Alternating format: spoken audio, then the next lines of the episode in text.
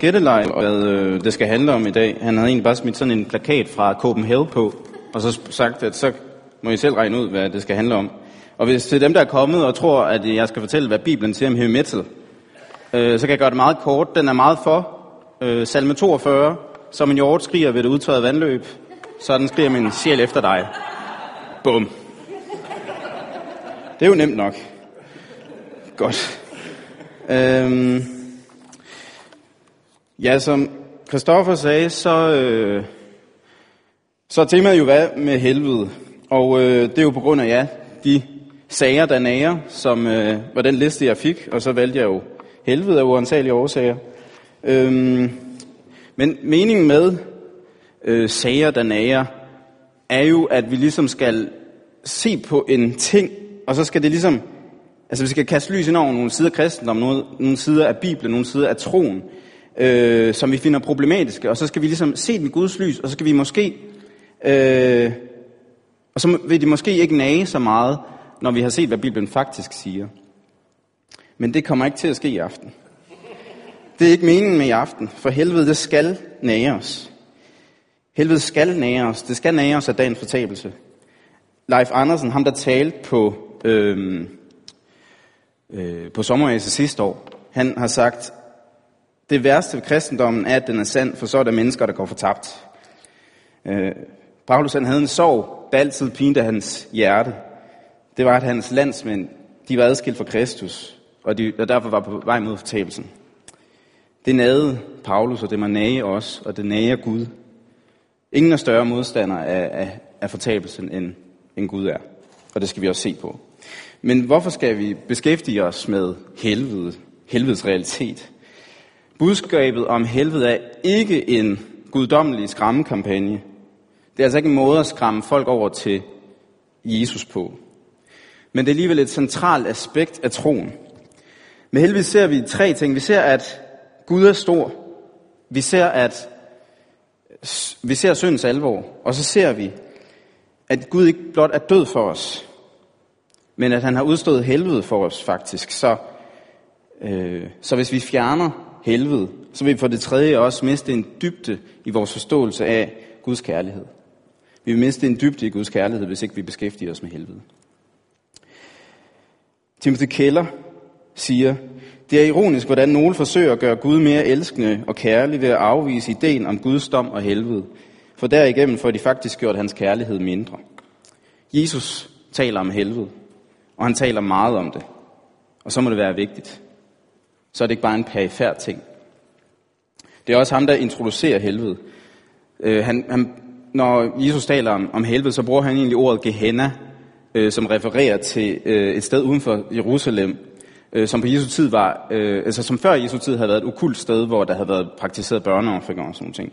Og på Jesu tid var det så blevet til en losseplads, hvor man, hvor man brændte sit affald af.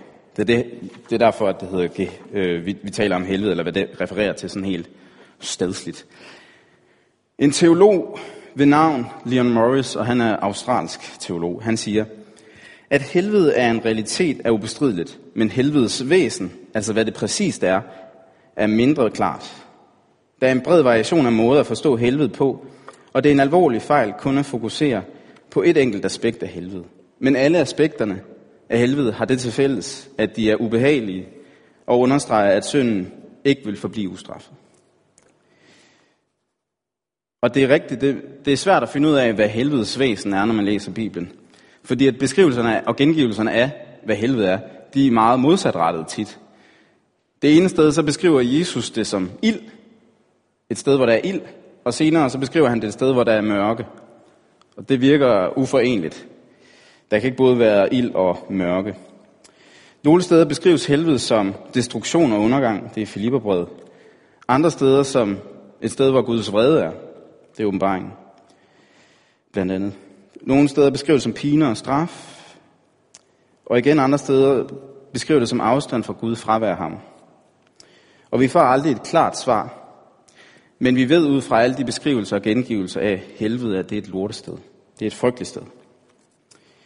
Helvede er frygteligt af to årsager. På den ene side, fordi Gud har trukket sig tilbage. De mennesker, som ikke har taget imod Jesus som deres eneste håb og frelser, De har sagt til Gud, jeg vil ikke have noget med dig at gøre. Og så siger Gud, det er okay. Men afviser du mig, så afviser du også alt, der er godt. Alt, der er behageligt. Helvede er på den måde en realisering af øh, menneskets afvisning af Gud. I Matthæus 25 står der, øh, øh, i Matthæus 25 står der noget om verdensdommen, og øh, det er Jesus, der siger til dem, der går fortabt, bort fra mig i forbandet. Han siger, bort fra mig. Altså, dommen, altså Jesus viser den væk i, i dommen, og, men det skal ikke forstås som om, at der står en masse mennesker, der håber på, at Jesus vil tage den til sig. Det er, øh, når Jesus siger bort fra mig, så, så giver han egentlig bare efter for deres øh, egen oprindelige vilje. Hos Gud er alt godt. Hvor Gud trækker sin godhed tilbage, der kommer ulykken. Gud er alle gode tings ophav og kilde. En god nats søvn. En smuk udsigt. Et godt grin. En afkølende brise. Et, stu- et stykke chokoladekage, og det er altså en med rigtig chokolade, og ikke med kakao. Rigtig chokoladekage. Er et udtryk for Guds godhed. Og det er godt, fordi det kommer fra ham. Og trækker Gud sig tilbage, så holder det gode op, så holder nydelse og glæde og fred og sorgløshed op. Så når et menneske afviser Gud, så ved det faktisk ikke, hvad det gør, fordi det er ikke klar over, at Gud giver alt det gode, det har, det kommer fra ham. Det gode, de gode ting, det har, det er en side af Guds barmhjertighed mod det menneske. Øh, så skulle vi have den her til, at vi ikke... Hvis jeg trykker... Der vil jeg den. Øh, hvis vi hopper op i 2. Thessalonikerbrev, det er Paulus, der har skrevet det, så siger han sådan her. Herren Jesus, fuldt af sine mægtige engle, åbenbares fra himlen med flammende ild og bringer straf over dem, der ikke kender Gud og ikke er lydige imod evangeliet om vor Herre Jesus. De skal straffes med evig undergang, fjern fra Herrens ansigt og hans herlighed og magt. Helvede er altså frygteligt og grufuldt sted, fordi det, som der står, er fjernt fra Gud. I helvede er Guds godhed fraværende. Men nu går vi videre til den anden ting, der gør helvede frygteligt. Jeg, John Piper, øh, præst i, i USA, han siger, og jeg tror, han har ret, helvede er, er frygtelig meget mere end fraværet af Gud. Ikke blot er Gud og hans godhed fraværende i helvede. Helvede beskrives også som et sted, hvor Guds straf er, hvor hans vrede er, hvor hans hævn er. Øh, altså forstået som, at problemet med helvede er ikke bare Guds fravær, men også et særligt nærvær. I, i Hebræerbrevet står der, at Altså Hebræerbrevet taler han til en, en gruppe mennesker, som er ved at, at bevæge sig væk fra Jesus, og han siger, gå ikke væk fra Jesus, bliv hos ham. Og så siger han, for det er frygteligt at falde i den levende Guds hænder. Og senere siger han, hvor Gud er en fortærende ild, så der er noget farligt ved Gud for en synder. Øh, I åbenbaringen 14, kan I læse, hvad der står? Åbenbaringen 14. Hvis nogen tilbeder dyret og det billede, og sætter det mærke på sin pande eller hånd, og dyret, det, det kan vi ikke gå længere ind i, men i åbenbaringspunktet, der er det en af de onde, så har vi vist ikke. Det er vist rimelig. Øh, hvis nogen tilbeder dyret, skal han også drikke Guds harme svin, skænket ufortyndet i hans vrede spæger. Og han skal pines ild og svogl for øjnene af de hellige engle og lammet. Og røgen fra deres pinsler stiger op i evighedernes evigheder. Og de har ingen hvile, hverken dag eller nat, de der tilbeder dyret og dets billede, eller tager dets navn som mærke. Altså Guds, Guds vrede, det der sker i helvede, har ligesom en substans. Det er noget, der, der skal drikkes. Og som jeg skal se, så er lammet jo netop ikke fraværende her. Altså Jesus. I Romerbrevet kapitel 2 taler Jesus også om, hvordan den u- uomvendte med sit oprør mod Guds ligesom samler sig vrede til vredens dag. Altså på en eller anden måde sådan sparer vrede op. Så her beskrives helvede ikke som noget, hvor man øh, øh, hvor noget trækkes tilbage, men mere helvede som noget, når, hvor der bliver givet slip for noget, hvor der er noget, der ikke længere holdes tilbage, som ellers har været holdt tilbage. Ja. Men hvorfor vrede, og hvorfor straf? Fordi vi mennesker, vi kan ikke lide ideen om helvede. Vi vil gerne af med, med ideen om helvede. Gud ville være kærligere, hvis der ikke var et helvede. Ja, vi, ja, vi synes ikke engang, hvis, hvis vi skal virkelig tænke Gud som kærlig, samtidig med, at vi skal tænke på, at der også er et helvede, så giver det ikke mening længere. Der burde ikke være straf og pine og helvede og hævn, tænker vi. It doesn't add up. Øh. Og selv kristne vil afvise eksistensen af helvede, selvom man skal være pænt ordblind for at overse helvedes markante tilstedeværelse i det nye testamente. For problemet med at stille, lave en kontrast imellem Guds kærlighed og så straffen over det, det onde, det er jo, at der faktisk er noget, der skal straffes. Der er noget, der er så ondt, at det øh, fortjener straf og gengældelse.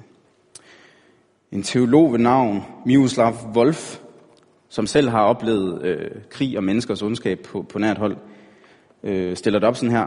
Enten Guds vold eller menneskers vold.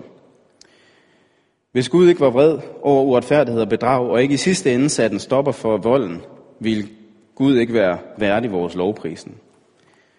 Det kræver forstadslivets fred at få ideen om, at, skulle gen, at Gud skulle gengælde vold med ikke-vold. I et afsvedet land, gennemblødt af uskyldigt blod, vil en sådan forestilling hurtigt fordufte. Det er altså mennesker, som har levet meget trygge liv, som ikke ser behovet for en vred Gud, en hævnens Gud. Har du derimod levet, som størstedelen af verdens befolkning har, levet under korrupte regimer, under misbrug og udnyttelse, hvor den svage undertrykkes, hvor den svage undertrykkes, så giver helvede, så giver en hævnende Gud virkelig mening. Selvfølgelig er Gud vred. Der er mennesker, der bekriger og terroriserer uskyldige mennesker lige nu. Vi kan godt tænke på uligheden. Der er mennesker, der, der er børn, der sulter i Sudan, mens der sidder utilfredse europæere og spiser foie gras, øh, mens de brokker sig over, at de ikke må ryge på restauranten. Altså, der må være en, en form for øh, retfærdighed. Det, det er måske på et eller andet tidspunkt. Der er, kvinder, der er et samfund, hvor kvinder nærmest ingen rettigheder har. Der er steder, hvor, at, hvor man kan slippe for straf, hvis man kender de rigtige. Altså korrupte samfund. Selvfølgelig vækker det Guds fred, Guds harme. Så vi kan måske godt gå med til, at det onde, det skal gengældes. At synden skal straffes. Men i helvede, i pine, for evigt. Vi kan sige, at jeg, jeg lyver jo bare lidt, men jeg passer mit job. Og jeg snyder mig lidt til nogle fordele en gang imellem, og så skal jeg straffes med evig helvede. Det er jo da absurd. Så er det overdrevet. The punishment doesn't fit the crime. Straffen passer ikke til forbrydelsen. Men når jeg synder mod mennesker, så synder jeg også mod Gud. Og synd handler i sidste ende om oprør mod Gud. At jeg ikke vil bøje mig for ham, som har skabt mig. Så, så det er ikke så meget mine handlinger, der er problemet. Det er mere min grundholdning over for Gud, jeg skal dømmes efter. For det er i sidste ende min holdning, der, der styrer mine handlinger. Så det er det bagvedliggende. Det er min ligegyldighed over for Gud, den grundlæggende.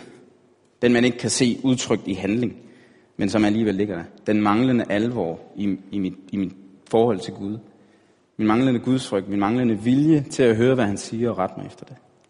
Det er problemet. Og det er så derfor, på grund af den grundholdning, at jeg, at jeg synder. Så derfor kan, kan straffen over synd ligesom ikke gøres op matematisk. At man kan sige, at en synd giver en time straf, for eksempel. For oprøret mod Gud er ikke tælleligt. For det er ikke hovedsageligt handlinger, der gør det. Det er øh, en grundholdning over for Gud. Min grundholdning over for Gud, som, som oprøret består i. Desuden er det heller ikke noget, der tyder på, at oprøret vil holde op, øh, når, når mennesker kommer i helvede. Der står, at der skal være, Jesus siger, der skal være gråd og tænderskæren i helvede. Og jeg har øh, altid tænkt, at det betød, øh, at folk vil være kede af det. Men sådan, hvis man ser på originalteksten, så vidt jeg kan forstå, så skal den her kombination af de to ord, gråd og tænderskær, det skal forstås som, som vrede. Altså Jesus siger, at de vil blive smidt ud i kulden udenfor, og der vil de være vrede. Det er altså et sted, hvor folk raser mod Gud, hvor synden og oprøret fortsætter i det uendelige. Så problemet med os, problemet med mig og problemet med dig er ikke, at du har syndet meget, eller syndet mange gange, eller har begået særligt slemme synder. Men det er, at du har gjort oprør mod Gud. Og ligesom der er forskel på at køre en kat over et menneske over, så er der også forskel på at gøre oprør mod sine forældre og gøre oprør mod Gud. Gud er så stor og så hellig og så ekstremt ophøjet, at hvis man lægger sig ud med ham og er ligeglad med ham, så må straffen jo også være tilsvarende stor. Matt Chandler, som er, er præst i Dallas i Texas, han beskriver det sådan her.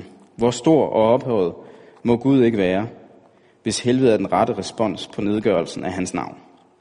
Altså hvis helvede faktisk er en passende respons på nedgørelsen og vandæren af Gud, hvor, hvor, hvor, hvad siger det så ikke om, hvor stor Gud er? Så siger jeg, at straffen passer ikke til forbrydelsen. Så siger jeg jo egentlig, at forseelsen ikke er noget særligt. Og dermed siger jeg jo også, at Gud ikke er noget særligt. Jeg, jeg, det, jeg tænker mere, at han burde tage en slapper, og ikke lade det sådan gå. Når det ikke lige går hans vej, så skal han da prøve at holde det i sig. Men alt drejer sig jo om Gud. Han er alt ære værd. Det er klart, at Gud er ærekær, for han er alt ære værd. Så at helvede er evigt skyldes, at vi er skyldige over for den evige Gud. Er der noget godt at sige om helvede om fortabelsen? Så. Nej, der er ikke noget godt at sige. Der er ikke noget godt at sige om helvede og fortabelsen, men der er stadig noget godt at sige. For Gud er ikke blot verdens dommer, han er også barmhjertig, selvom han vredes over menneskers oprør mod ham. Er Guds hjerte et hjerte, som banker for syndere, for sine oprørske skabninger. Hør, hvordan, han, hvordan Gud taler om sit oprørske folk. Det er i øh, Jeremias' bog, kapitel 31. Så ofte jeg nævner, så ofte jeg nævner ham, må jeg mindes ham. Han taler om, øh, Gud taler om, om, om Israels folk. Så ofte jeg nævner ham, må jeg mindes ham. Derfor skælver mit indre. Jeg må forbarme mig over ham, siger Herren. Så Gud viser ikke blot sin godhed over for os, ved ligesom at straffe det onde. Altså han viser ikke kun sin godhed ved at være imod det onde. Han viser også sin kærlighed til os ved at sende Kristus. For Kristus, han har taget vores helvede for os. Jeg har, jeg har nok altid gået og troet, at han døde på et kors og sådan ting. Jeg har, men jeg tror, når jeg så arbejder med det her, så er det blevet ret klart for mig, at det Jesus oplever på korset, det er, hvad helvede vil sige. Øh, så vi skal kigge lidt på Jesus nu. Og så skal vi om i Esajas 53.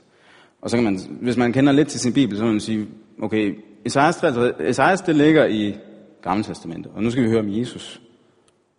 Men det er fordi, der er jo alle de her profetier om Jesus i Gamle Testamente, hvor at, øh, altså Esajas bog er skrevet 800 år før øh, Jesus levede. Øh, og, de, og Esajas 53 ligesom forudser, hvad der skal ske, når Jesus han kommer. Øh, og det er måske den mest berømte profeti, vi overhovedet, overhovedet har om, om Jesus. Fordi når vi læser Esajas 53, så, så kommer vi øh, altså uundgåeligt til at tænke på, på Jesus, hvis vi kender, øh, hvis vi kender øh, evangelierne, hvis vi, hvis vi ved, hvad, hvad påsken handler om. Øh, der står, jeg har, jeg har noget af det med her. Det var vores sygdomme, han tog. Det var vores lidelser, han bar. Og vi regnede ham for en, der var ramt, slået og plaget af Gud. Jeg fortsætter i vers 5. Men han blev gennemboret for vores overtrædelser. Her kommer vi til at tænke på korset. Han blev gennemboret for vores overtrædelser og knust for vores synder. Han blev straffet for, at vi kunne få fred. Ved hans sår blev vi helbredt.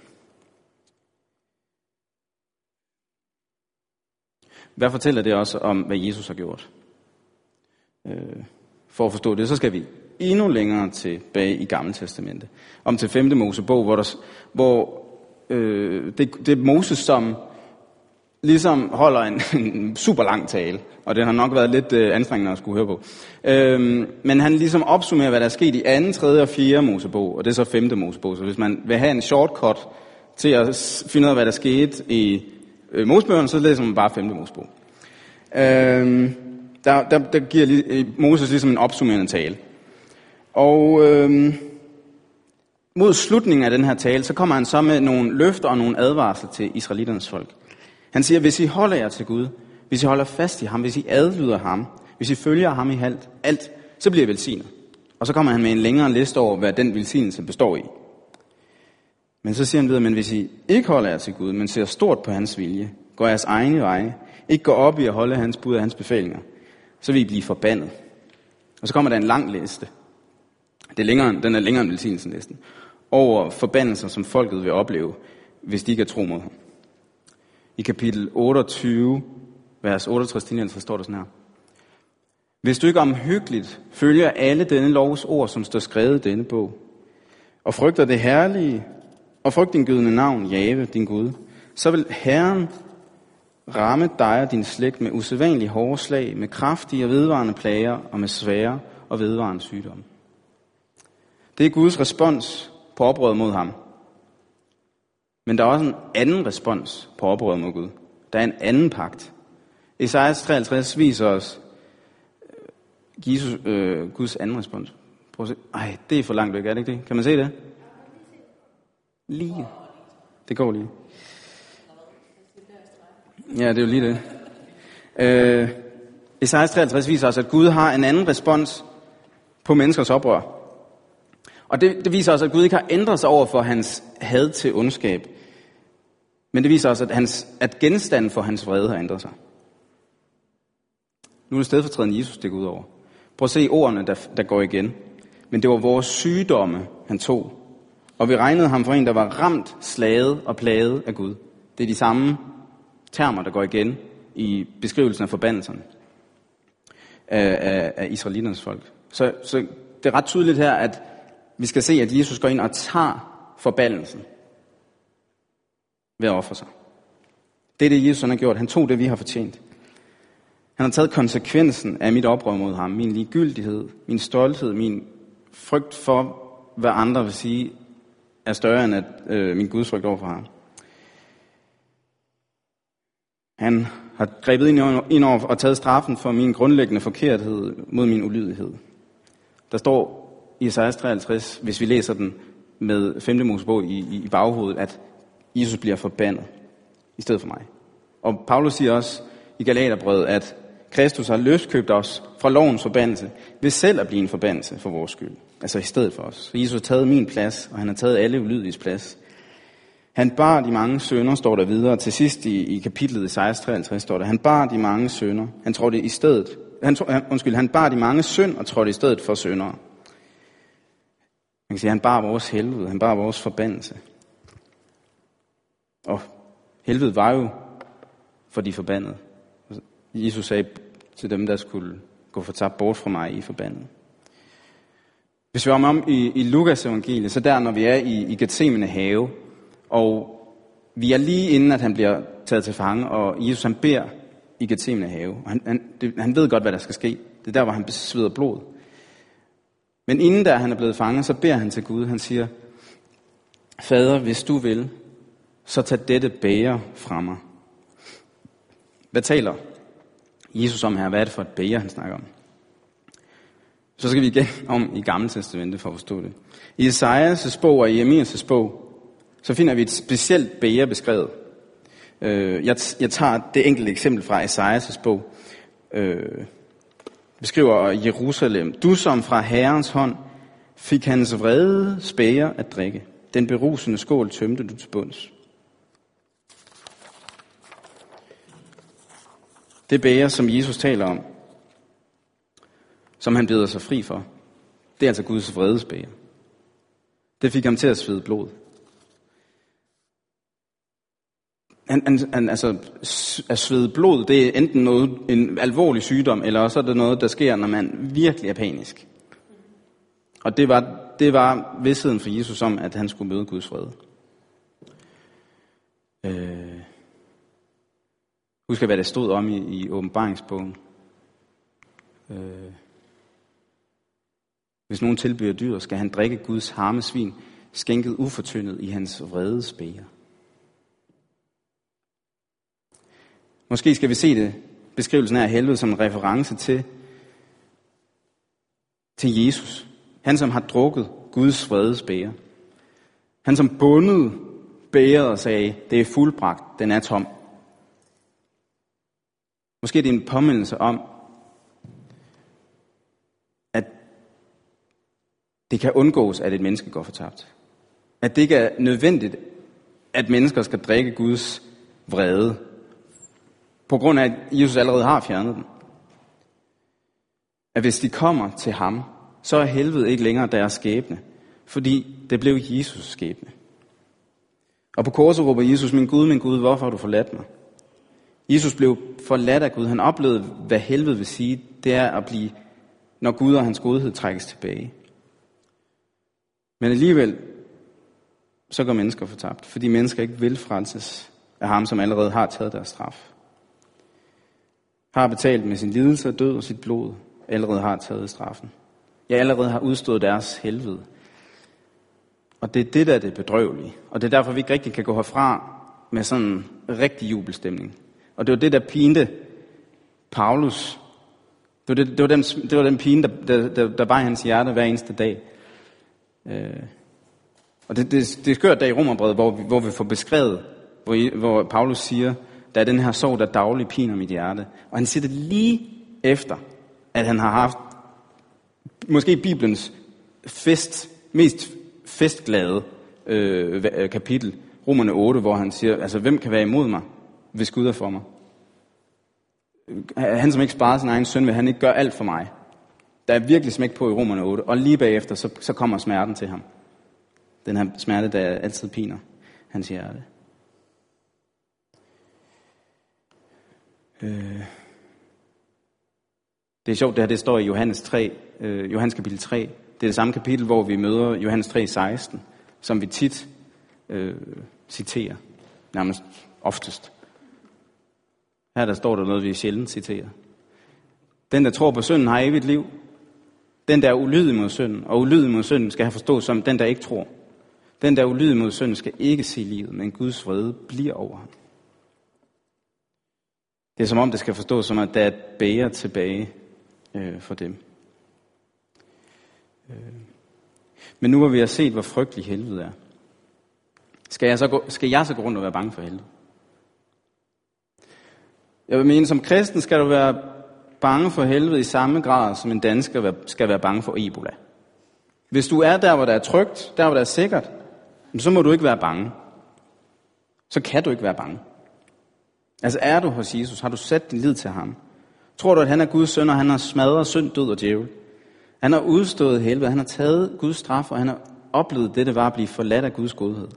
I stedet for dig, så må du ikke være bange for helvede.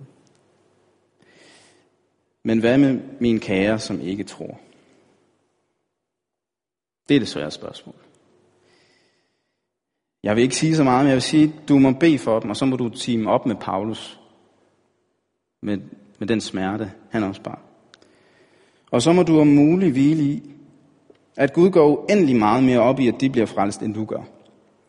Og kæmper for deres sjæle på måder, vi ikke kan se, og på måder, vi ikke kan fatte. Og, og, og et håb ind i det, det er altså Paulus selv. Der var nul mennesker, der tænkte, Paulus, ja, han, han er lige på vej til at blive... Ja, sidste gang han slog en kristen ihjel, der kunne jeg godt mærke, at han mente den ikke rigtigt. Han er lige ved at tviste over til at blive kristen. Det var der nul mennesker, der troede. Og alligevel så kom Paulus ind i Guds flok af Guds nåde. Så der er håb, der er håb for alle mennesker ind i det her. Så det, det, var, det var det, det, jeg har ikke mere at sige, og det var det, det, var det tætteste, jeg kunne komme på med et, et, et lille håb ind, det er at tænke på Paulus' situation. Både at han har en, en daglig smerte i sit hjerte, det havde han, men også at der, var, der er håb selv for, for sådan en som Paulus. Ja. Skal vi øh, lige bede kort? Kære Jesus, jeg beder dig om, at jeg må have talt sandt om dig i aften. Og så beder jeg dig om, at du må trøste os ind i det her. Jeg beder dig om, at, at vi må se, hvor stor du er. At vi må se, hvor sindssyg vores synd er. Men jeg beder dig om, at vi må også må have set dybden i din kærlighed til os. Og Jesus, så beder jeg for dem, vi tænker på lige nu. Og det er ubærligt i det. Og jeg takker dig for, at der altid håb. Tak, at du er øh, for alle mennesker. Tak, at du er kærlighed. Amen.